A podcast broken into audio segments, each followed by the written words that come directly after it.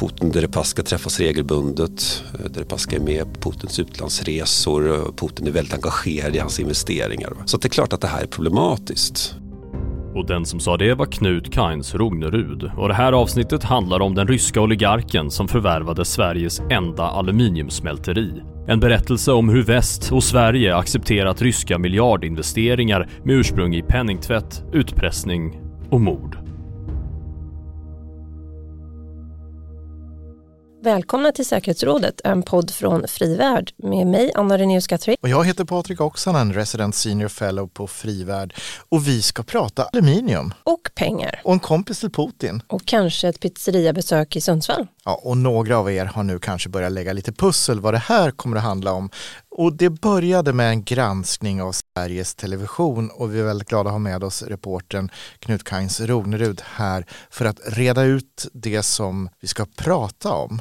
Vi kanske ska hjälpa lyssnarna lite nu och först eh, förstå vad, vad vi ska prata lite mer om i detalj. Då. Eh, det handlar ju om Sundsvall och aluminiumtillverkaren Kubal eller Kubikenborg Aluminium. Ja, och där börjar det. Varsågod. Vad är det vi ska prata om egentligen och vad handlar det här om Knut? Det hela började faktiskt med det som vi alla är högst medvetna om just nu. Eh, den där februaridagen 2022 när, när Putin beordrade den här fullskaliga invasionen av Ukraina. Och vi var några på SVT som började tänka hur ska vi göra eh, journalistik om det här? Och jag har alltid liksom, förstås ekonomiska glasögon och tänker också oftast eh, följ pengarna helt enkelt. Och börja titta på hur ser pengaflödena ut? Eh, hur stor betydelse har pengar i sammanhanget? Och det visade sig ganska snart att för Putin och kretsen kring honom så var pengar helt avgörande. Otroligt viktig drivkraft och faktor. Och vi kartlade en, en liten grupp män, eh, det handlar nästan bara om män i det här sammanhanget, eh, och deras förmögenhet. Då. Och det visar sig också dessutom att, att eh, det finns mycket som tyder på att de också förvaltar Putins privata förmögenhet. Och en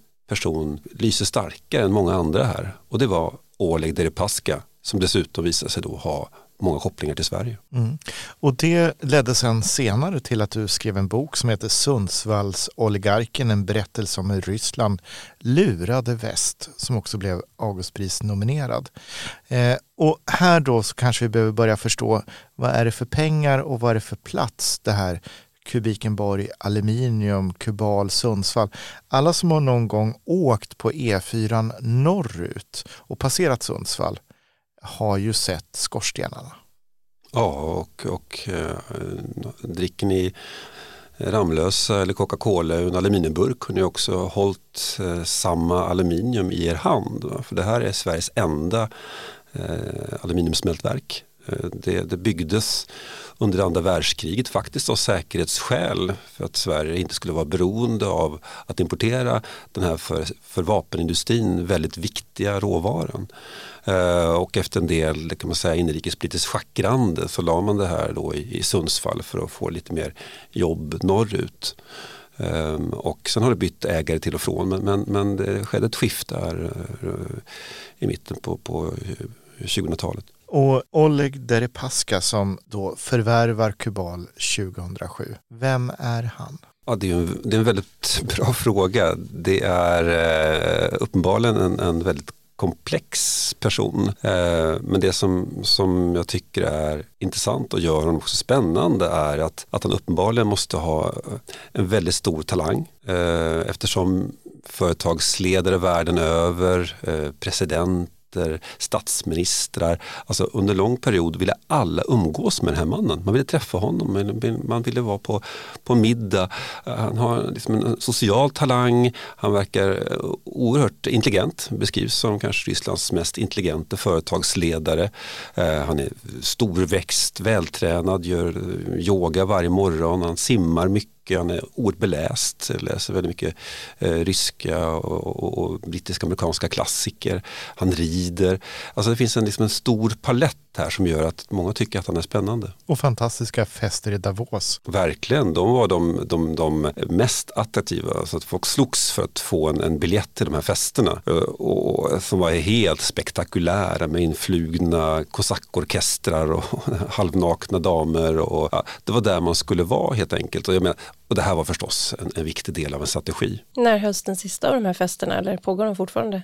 Nej, det här eh, det har liksom ett, i olika skeenden kan man säga så har, har eh, hans medverkan alltid varit problematisk eftersom historiken kring honom och de här vilda 90-talsåren har ju aldrig varit okända.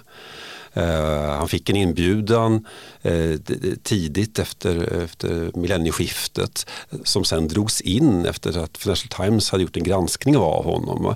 Eh, men sen började han donera pengar till Davos-stiftelsen och finansiera olika verksamheter och plötsligt var han inne i värmen igen. Så ett antal år var han på plats.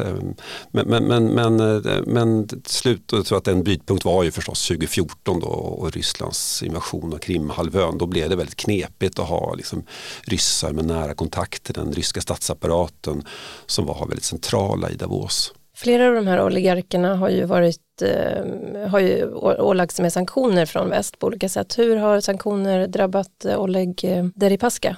Det, här, det är jättespännande det här för att, att efter 2014 så, så var USA var tidigt ganska tuffa mot, mot Ryssland och, och de här ryska företrädarna för man insåg att, att där det svider mest mot Ryssland så det handlar om pengar och gärna privata förmögenheter för de här personerna har blivit oerhört rika. Alltså de har under en period varit några av världens absolut rikaste män.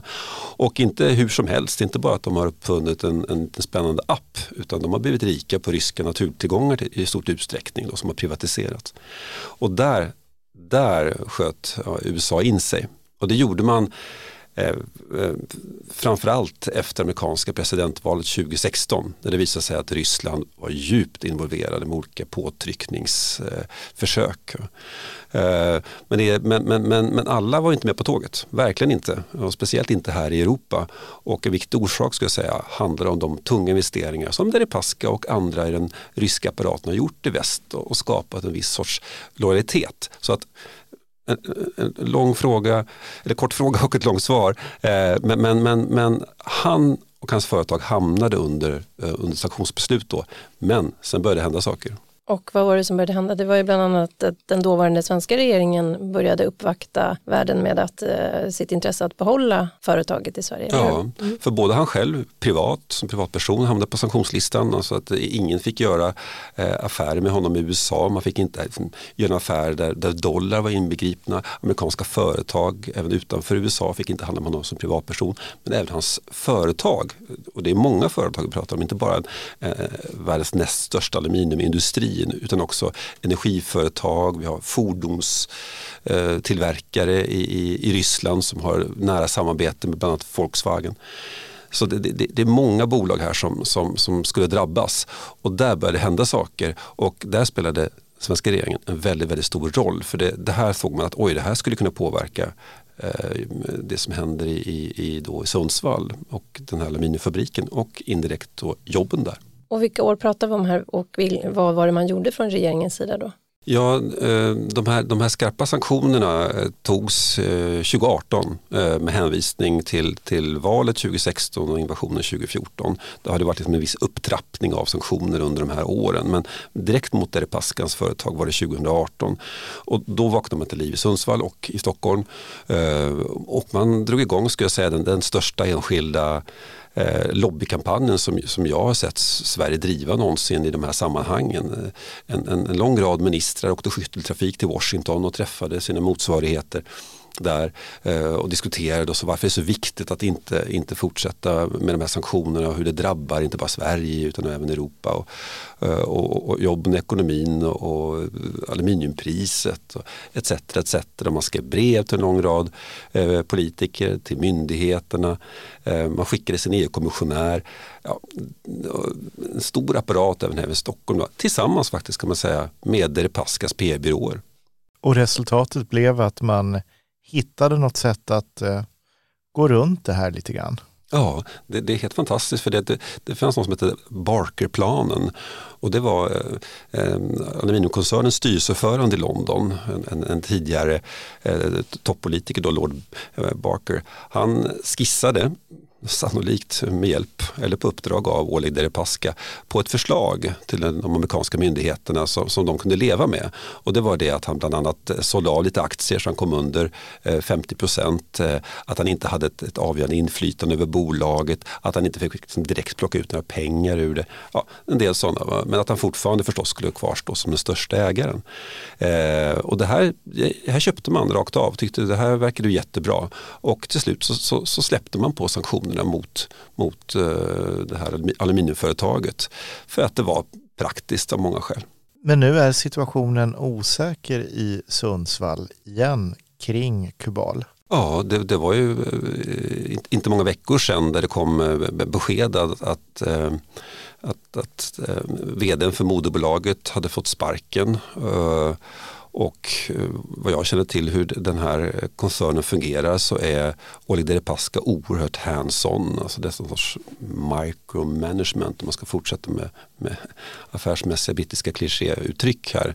Men att han väldigt detaljstyr allting så det, så det är uppenbart att han har haft ett finger med i spelet här.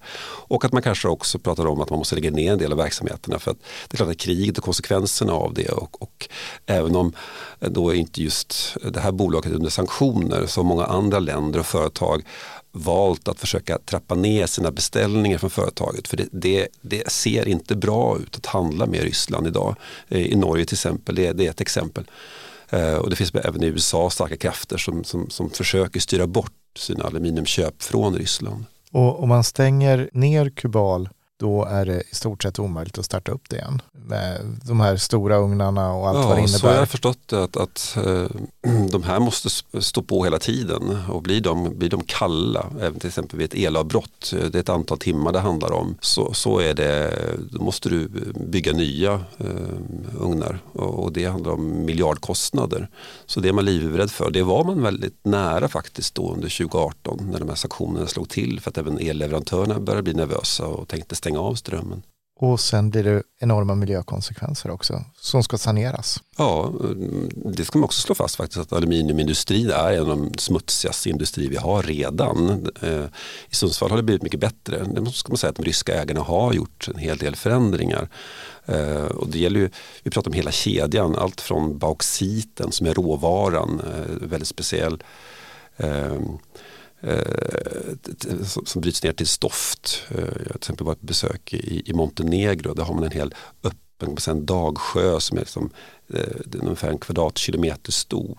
I, precis utanför Podgorica som är huvudstaden. Eh, det aluminiumverket som under många år ägdes av Deripaska ligger kvar där. Eh, fabriken har i princip gått i konkurs och det, det stoftet blåser ut över slätterna och förstör grundvatten vatten och, och, miljön för de människor som bor här. Så det är, det är en miljökatastrof utan dess like. Va? Hela vägen till, till fabrikerna och deras utsläpp som också är än idag problematiska. Jag skulle vilja gå tillbaka lite till Deripaskas nära band till Putin då som du och andra har belagt. Om man tänker sig att eh, de har fortfarande den nära relationen, vad innebär det då för Sverige att eh, det finns den här typen av åtminstone delägandet kvar i, i Sverige? Först ska man säga att, att Oleg Paska själv, jag fick ett långt brev av honom här efter sommaren, han, han eh, avvisar ju alla sorts personliga kopplingar till Vladimir Putin, och presidenten. Eh, de är rent affärsmässiga eh, uppgifter om att han skulle ett, förvalta delar av Putins förmögenhet, att de själva ska vara någon sorts team där han utför olika operationer på uppdrag av Putin stämmer inte, hävdar Det Paska, det ska vi, det ska vi slå fast. Men, men, men, men det är mycket som tyder på att det här inte stämmer. Det finns många, många indikationer på att, att deras samarbete är oerhört nära. Eh, men, men, men i vilket fall som helst så är, ser du på kretsen till exempel kring Deripaska. Där finns ett antal före detta höga officerare inom den ryska underrättelsetjänsten. Eh, Putin Deripaska träffas regelbundet. Eh, Deripaska är med på Putins utlandsresor. Eh, Putin är väldigt engagerad i hans investeringar. Så det är klart att det här är problematiskt. Eh, och man kan inte, jag tror man, man kan inte det vore oerhört naivt att tänka sig att det var e, enbart en affärsmässig investering som gjordes då 2006-2007 när man köpte smältverket i Sundsvall och även andra smältverk ska vi säga runt om i världen och Europa. Eh, det har alltid funnits en, kan man säga, en sorts säkerhetsmässig intresseaspekt från, från Kreml när man gjort investeringar i väst och en dag eh, vill man ha betalt för det. Om man ser till det rådande säkerhetsläget som är i Sverige idag, är det någonting som skulle behöva ändras i lagstiftningen för att förhindra att den här typen av risker fortsätter att bli kvar?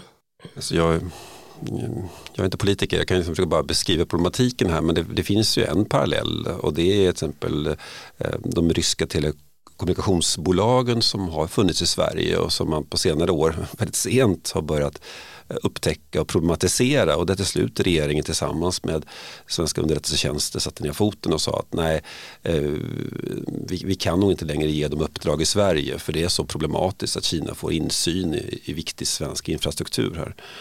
Uh, på tal om infrastruktur ska man också säga att, att Deripaska äger ju inte bara aluminium. Han, han äger ju också stora byggföretag i Europa.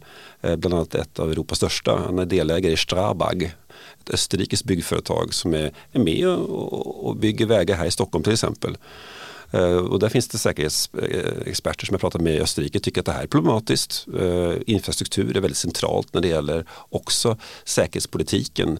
Och där jag tycker, tycker man det är knepigt att, att en person som, som, som beskrivs stå nära Putin har så detaljerad kunskap om, om järnvägar, om broar, om vägar och hur de är konstruerade i landet. Och där har vi ju andra exempel också med tunnelbyggen och annat med till exempel kinesiska företag. Så att eh, vi ser ju den, den väven på det här. Eh, jag tänkte att vi skulle ta också nörda ner oss lite mer i historien och bakgrunden om Oleg Deripaska.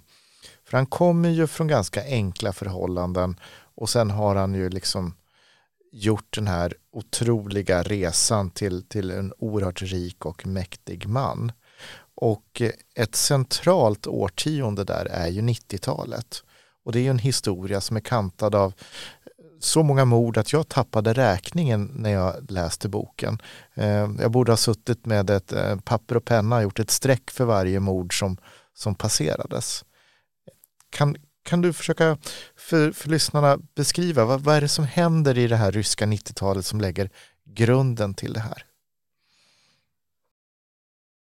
Ja, det, det, jag tror att det är en, en, svårt att greppa den här tiden om man inte kanske bodde där själv och var med. Men, men det, det, är ju tveklöst så att det var, ett väldigt, det var ett kaotiskt årtionde och särskilt de första åren efter Sovjetunionens kollaps. Eh, specifikt i, i, i den här råvarubranschen så har man, pratar man ju om aluminiumkrigen. Och jag skulle säga att det, det, det är bokstavligt så, att det var, var krigsliknande situationer. Eh, där man skickade in eh, liksom paramilitära styrkor från eh, företagarnas sida för att avvärja attacker och övertagningsförsök eller tvärtom ta över en fabrik. Va? Och det dog otroligt mycket människor. Det var extremt korrupt. Det var det även förstås under Sovjettiden. Då kallas de här för, för de här röda fabriksägarna då, som, som kontrollerade och, och mjölkade de här liksom, Eh, Eh, väldigt eh, investeringsmässigt undersatta fabrikerna.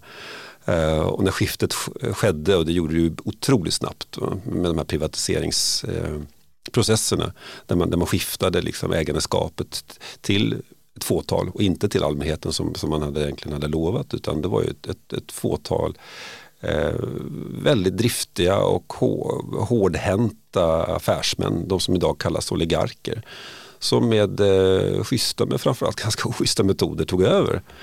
Och som sagt, och där dog det människor, mycket människor. Och Deripaskas koppling till, till den här mord, ehm, jag vet inte vad jag ska kalla det för, mordvågen längs liksom vägen här. Ja, alltså han själv har ju förnekat. Väldigt tydligt eh, eh, sagt gång på gång att han, det, det finns ingenting som, som, som, slår, som, som kopplar honom till att han skulle ha begått några oegentligheter. Han är inte dömd för någonting, han är, står inte under åtal för några våldsbrott. Nej, och han är inte här och kan försvara sig Nej, annat det, än att vi kan återge vad han ja, har sagt. Men han har aldrig förnekat att, att det var våldsamma tider. Eh, så är det. Men han, och eh, det finns belagt, han har själv bekräftat att han hade en, kan man säga, ett, ett nära samarbete med då Rysslands mest fruktade maffiaorganisation, om vi ska kalla den så, eh, Ismalovskaja Ismailovskaja som också har nära kopplingar till den ryska underrättelsetjänsten. Ehm, och, och, och de tog ingen hänsyn när, när det gällde vilka metoder man behövde eh, använda för att, för att genomföra det man, det man ville göra.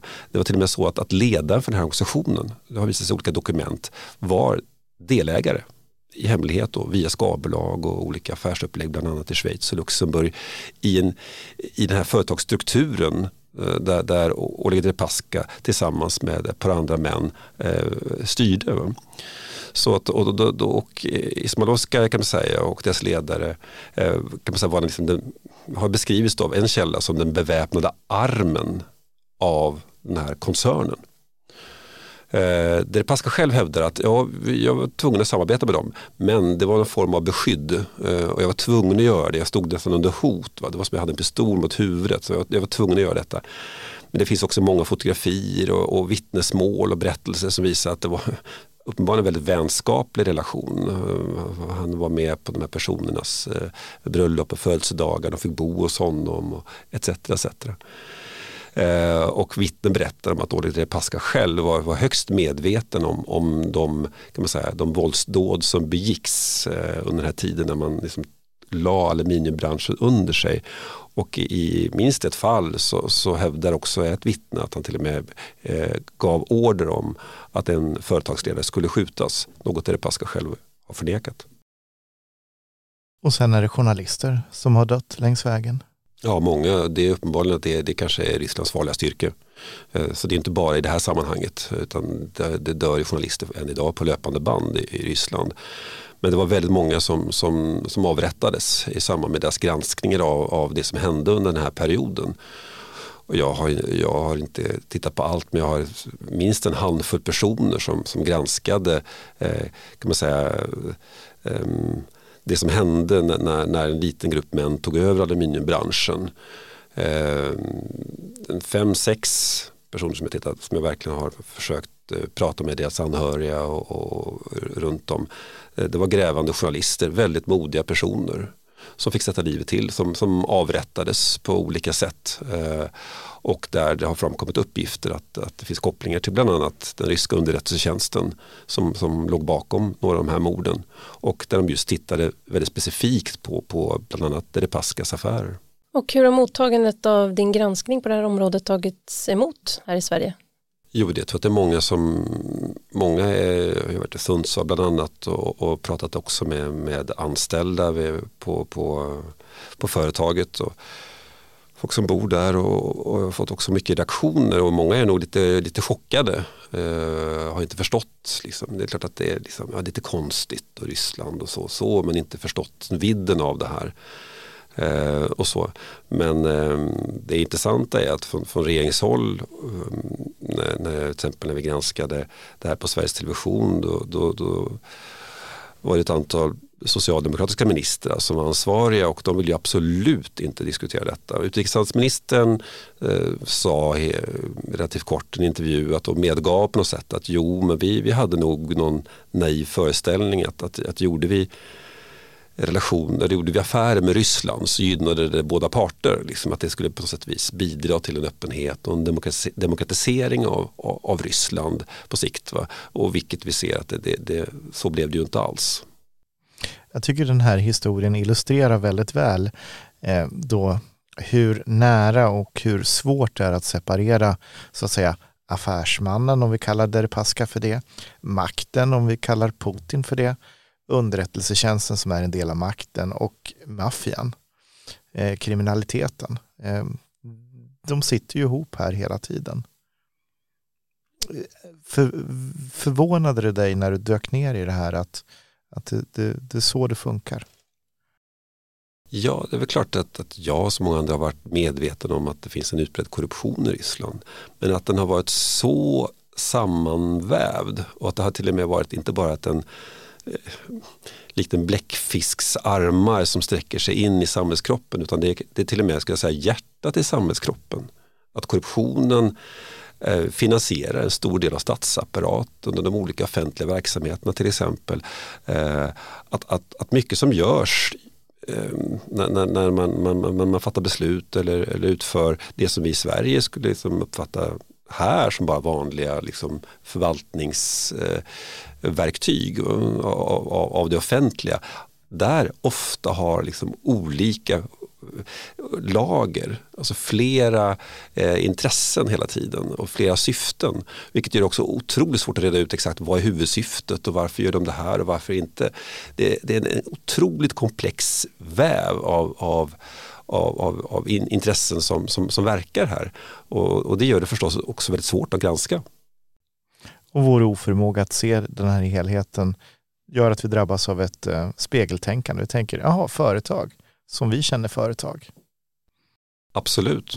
Och då, här i väst har man ju länge jobbat för att man ska ha en hög etisk standard. Vi har olika CSR-regler och vi har olika institutioner som, som håller koll på företagen. Vi har regelverk, vi har lagar. Här, här sköter man sig hyfsat bra och gör någon, någon, något dumt så får man smisk på fingrarna eller kanske till och med tvingas avgå. Men vi har liksom inte förstått att, att den, den, den personen eller det företaget som är på andra sidan av förhandlingsbordet har eh, inte bara andra regler utan de spelar ett helt annat spel. Och, och det här tror jag har varit knepigt för många.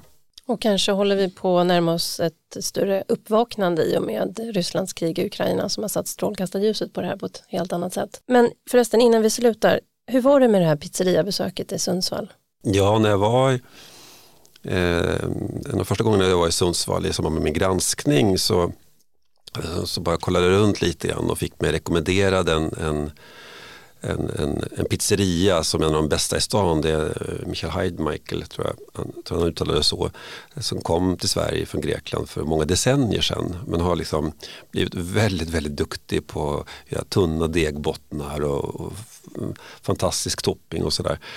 Och så började vi snacka lite grann och, och, eh, och jag, mm, vi pratade om, om Ryssland och oligarker och deras inflytande och penningtvätt i Europa. Och så nämnde jag lite grann att jag håller på att titta på, på just eh, Kubal och, och, och Oleg Deripaska. Och då, då säger han bara, ja men han har ju varit här.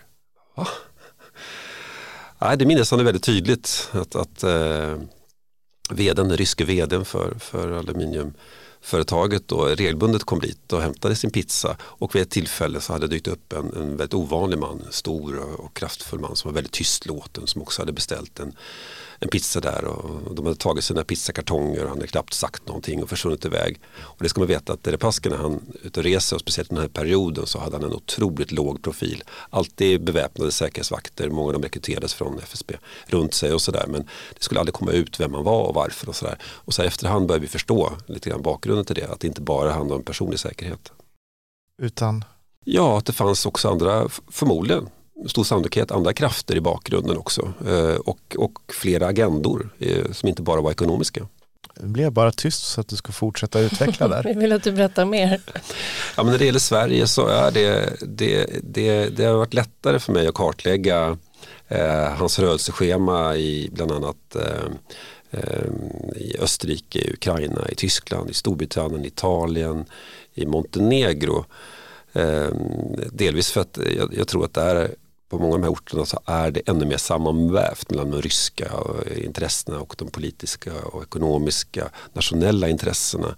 Och man ska säga att man har en större acceptans för det men, det, men, men man har en större erfarenhet av det. Det har varit lättare för Ryssland att agera i de här miljöerna. Eh, hur man köper politiker och företag och palats och, och hur man umgås och liksom sådär. I Sverige är det lite knepigare tror jag. Eh, det, det, det väcker större upp uppståndelse. Eh, plus att eh, jag tror inte att man heller har behövt kanske köpa politiker på samma sätt för att, för att få en viss lojalitet. För Sverige är så, liksom, jag var så, så beroende av, av svensk export och, och där till exempel den ryska marknaden har man sett som väldigt viktig. Eh, och det ser man ju till exempel att, att absolut har Sverige idag en av drivande när det gäller kritiken mot invasionen av Ukraina. Men efter 2014 var det, var det många som, som, som höll väldigt tyst kan jag säga. Och så låter en undersökande reporter som kanske har framtida avslöjanden men som inte vill gå händelserna i förväg när han inte svarar på frågan. Kan inte kommentera det. Nej. Och den som inte kunde kommentera det var Knut Kainz Rognerud, reporter på Sveriges Television som granskat historien om Oleg Deripaska och är författare till boken Sundsvalls oligarken. Du har just lyssnat på en podd från Tankesmedjan Frivärd med Anna René Skatri och mig Patrik Oksanen. Rösten ni hörde i början tillhör Dino Ekdahl. Dino har också gjort bearbetningen. Podden den finns ju där poddar finns. Prenumerera gärna så att du inte missar ett avsnitt. Och kom ihåg, friheten är värd att försvara. Motståndet upphör aldrig.